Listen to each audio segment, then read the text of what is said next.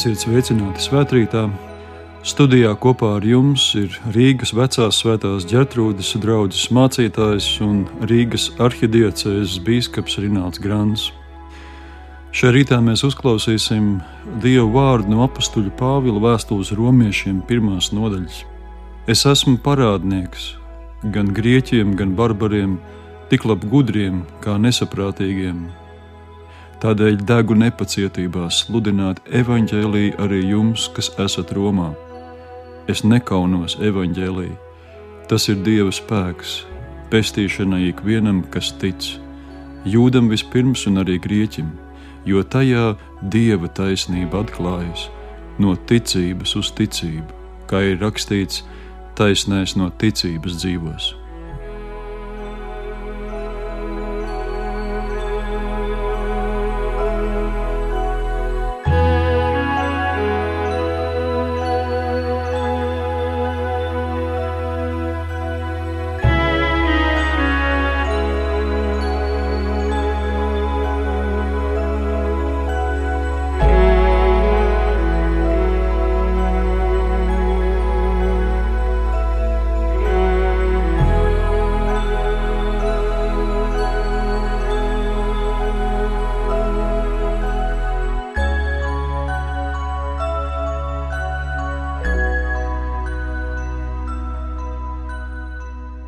1517. gada 31. oktobrī Augustīniešu mūks, Vitsenbergas Universitātes profesors, pie baznīcas durvīm publiskoja 95 tēzes.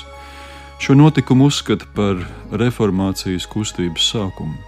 Piecus gadus vēlāk ar disputu Pētera baznīcā par Andrejasa Knopkina 24 tēzēm reformācija aizsākās arī Rīgā. Šogad šim notikumam aprit 500 gadi, un īpaši Lutheriskajai baznīcai piederīgiem tie ir svētki. Mēs tajos nesvinam mūsu baznīcas dzimšanas dienu, jo piederam baznīcai, kuras sākums ir paša Jēzus un apstuļu kalpošanā. Mēs nesvinam to, ka šo Vitsenbergas notikumu rezultātā varēja izveidoties Lutāņu baznīca, jo tas bija rezultāts rietumu baznīcas schizmai. Līdzīgi reformācijas tēviem arī mēs gribētu, ka baznīca būtu reformējusies nesadaloties. Mēs nesvinam arī to, ka reformācijas rezultātā izcēlās nemieri un daudzi cilvēki zaudēja dzīvību. Tomēr ir kaut kas, ko mēs visi kopīgi esam aicināti svinēt. Tas Dievam bija tik dārgs un nozīmīgs, ka viņš pieļāva visu notikumu gaitu Ja tas tā nebūtu, proti, ja tas nenotiktu ar dieva apredzību, tad reformācijai bija jābeidzās pirms tā īsti sākās. Tās rezultātā tappa iztulkota vecā un jaunā derība un padarīta daudz pieejamāka cilvēkiem, ar mazāk katehismu palīdzību kristīga izglītība sasniedz tautas zemāko slāni, tika nodibinātas skolas, samazinājās lasīt neprasmu, radās jaunas dziesmas un dziesmu grāmatas, kas ticību nostiprināja dzīvē, taču pats būtiskākais bija izpratne par ticību Jēzus Kristus evaņģēlijam, un teoloģiski to mēdz saukt par taisnošanas mācību.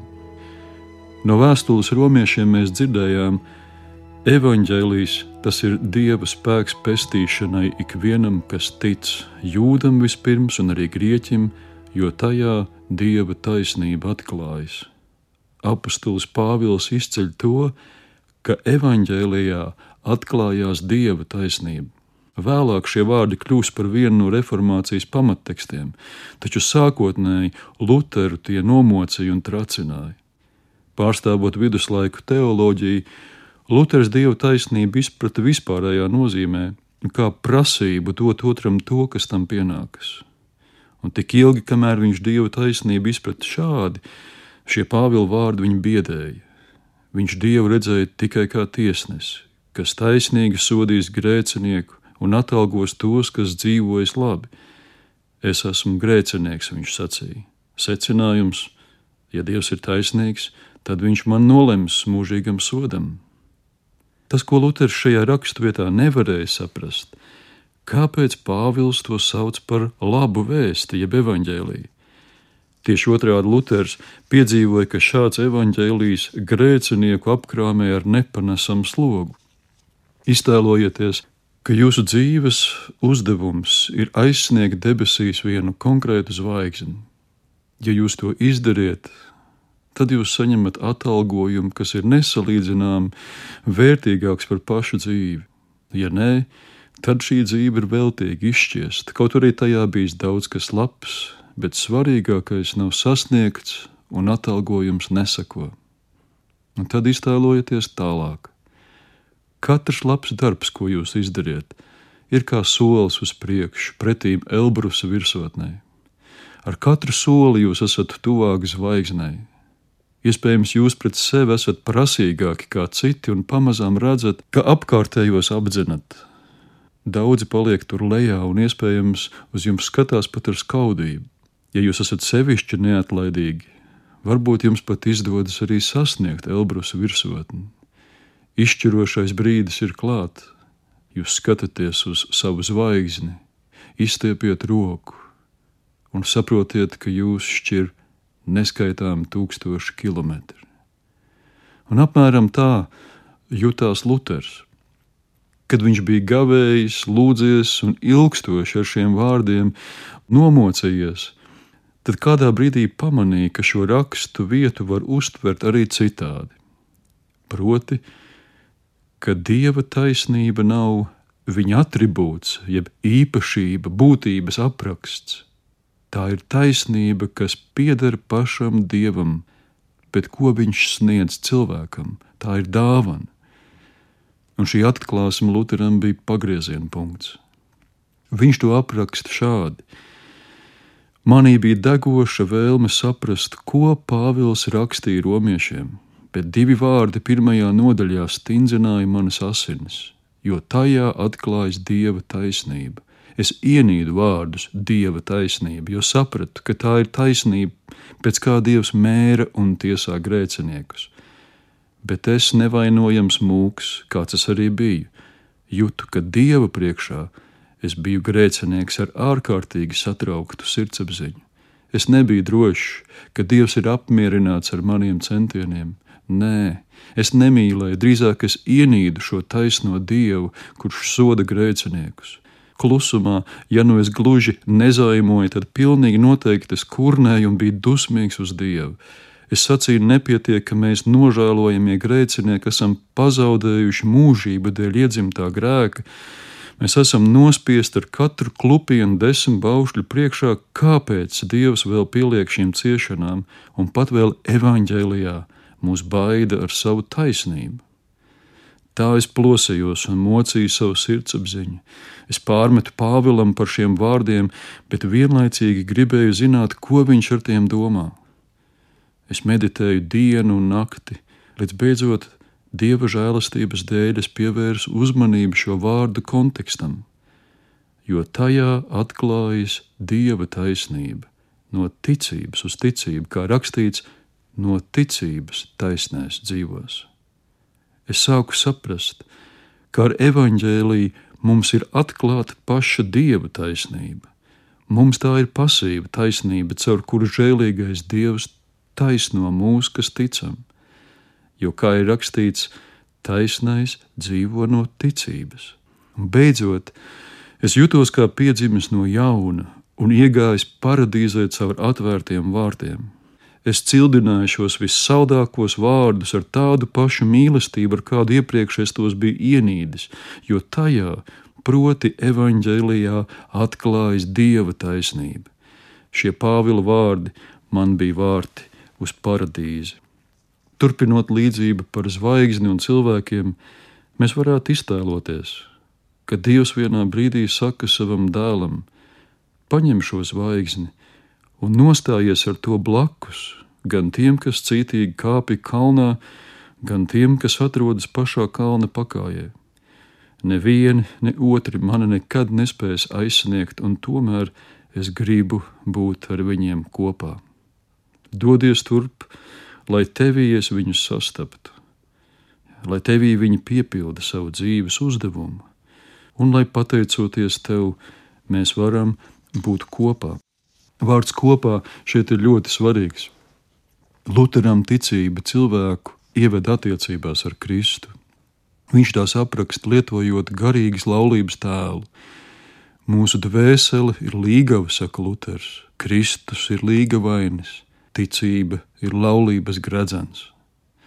Saskaņā ar laulības likumu līgavaini īpašums, proti Kristus taisnība, kļūst par līgavas īpašumu, un līgavas īpašums, viņas grēks, kļūst par līgavaini īpašumu.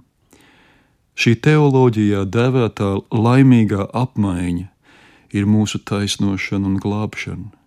Kaut kas ārējs, Kristus taisnība, mums pakāpeniski kļūst par kaut ko personīgu un iekšēju. Luters stingri nošķir šo ārējo dieva dāvināto taisnību no cilvēka iekšējās taisnības. Pirmā vienmēr ir pilnīga. Proti, kad Dievs Kristū mūs attaisno, tad visā pilnībā.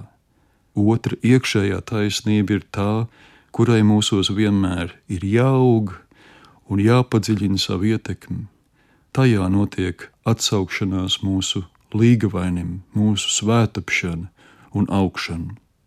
Paša dieva dāvināta taisnība ir evaņģēlijs, no kura, kā Pāvils šodienas raksta vietā, mēs lasām nekaunas. Viņš ir gatavs to pasludināt. Vēl vairāk viņš pat deg nepacietībā to darīt, jo pats to ir saņēmis un sevi redz kā parādnieku citu priekšā. Gan Pāvils, gan Luters nekaunējās Kristus evaņģēlīja dēļ, lai arī iemesls bija kā vienam tā otram. Šodienas individuālisma, sekulārisma un multireliģiskā vide reizēm mūsos rada kauna un nērtības sajūtu evaņģēlīju atklāt un apliecināt ārpus baznīcas sienām.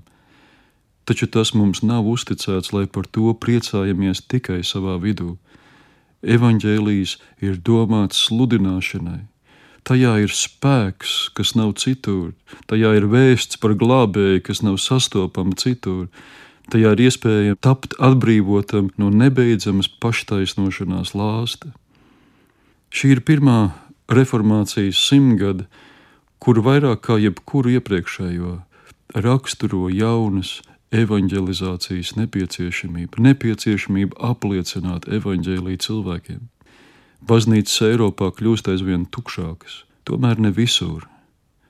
Jo tur, kur kristieši līdzīgi Pāvilam un Lutheram ir gatavi sevi atzīt par parādniekiem, to priekšā, kas evaņģēlīju nepazīst, tur baznīcas nevis aizver, bet atver. Un tur, kur kristieši, luterāņi, katoļi, baptisti, pareizticīgie, un citi, kā brāļi un māsas Kristu, ir gatavi liecināt, ja vajag arī kopā. Tur cilvēki nevis evaņģēlīju pazaudē, bet atklāja. Noslēgumā citāts no kāda Romas katoļu un luterāņu teologu kopīgi izstrādāta dokumenta no konfliktu uz kopību.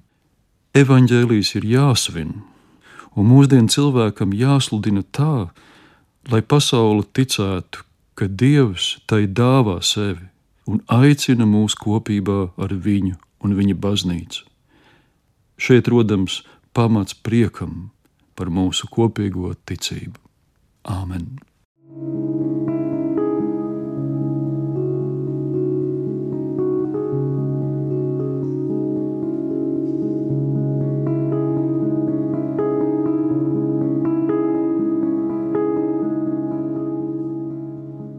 Lūksim! Vispēcīgais un mīļais Dievs, mēs pateicamies par evaņģēlīju, ko mums atklāja Jēzus Kristus.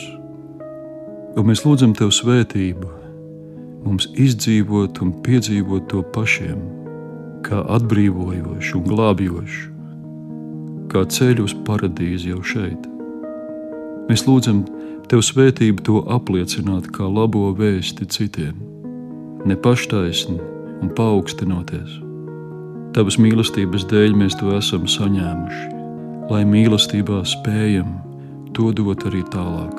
Mēs lūdzam pēc Tava evaņģēlīja radītas cerības Ukrainā, tiem, kuri cieš zaudējumus, pazaudējot savas mājas, tiem, kas ir zaudējuši savus tuviniekus, un arī tiem, kur cīnās par savu brīvību, riskēdām ar dzīvību. Lai uzvar tavu taisnību un ļaunums atgriežas turp, no kurienes ir nācis. Mēs lūdzam tevi arī par mūsu zemi un mūsu tautu, par tiem, kurus esi iecēlis mums par vadītājiem, pēc tavas gudrības, mīlestības un arī drosmes viņiem. Arī paši par sevi, Kungs, lūdzam un uzticam sevi tev. Pateicamies, ka mums nav no tevis jābīstas, bet ka mēs varam tevi aizvien vairāk iepazīt, iemīlēt un tev uzticēties.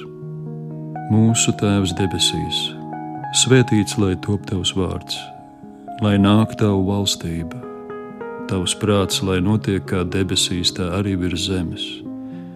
Mūsu dienascho maizi dod mums šodien, un piedod mums mūsu parādus, kā arī mēs piedodam saviem parādniekiem, un neieved mūsu kārdināšanā, bet atpestī mūs no ļauna jo tev pieder valstība, spēks un gods mūžīgi mūžos. Āmen!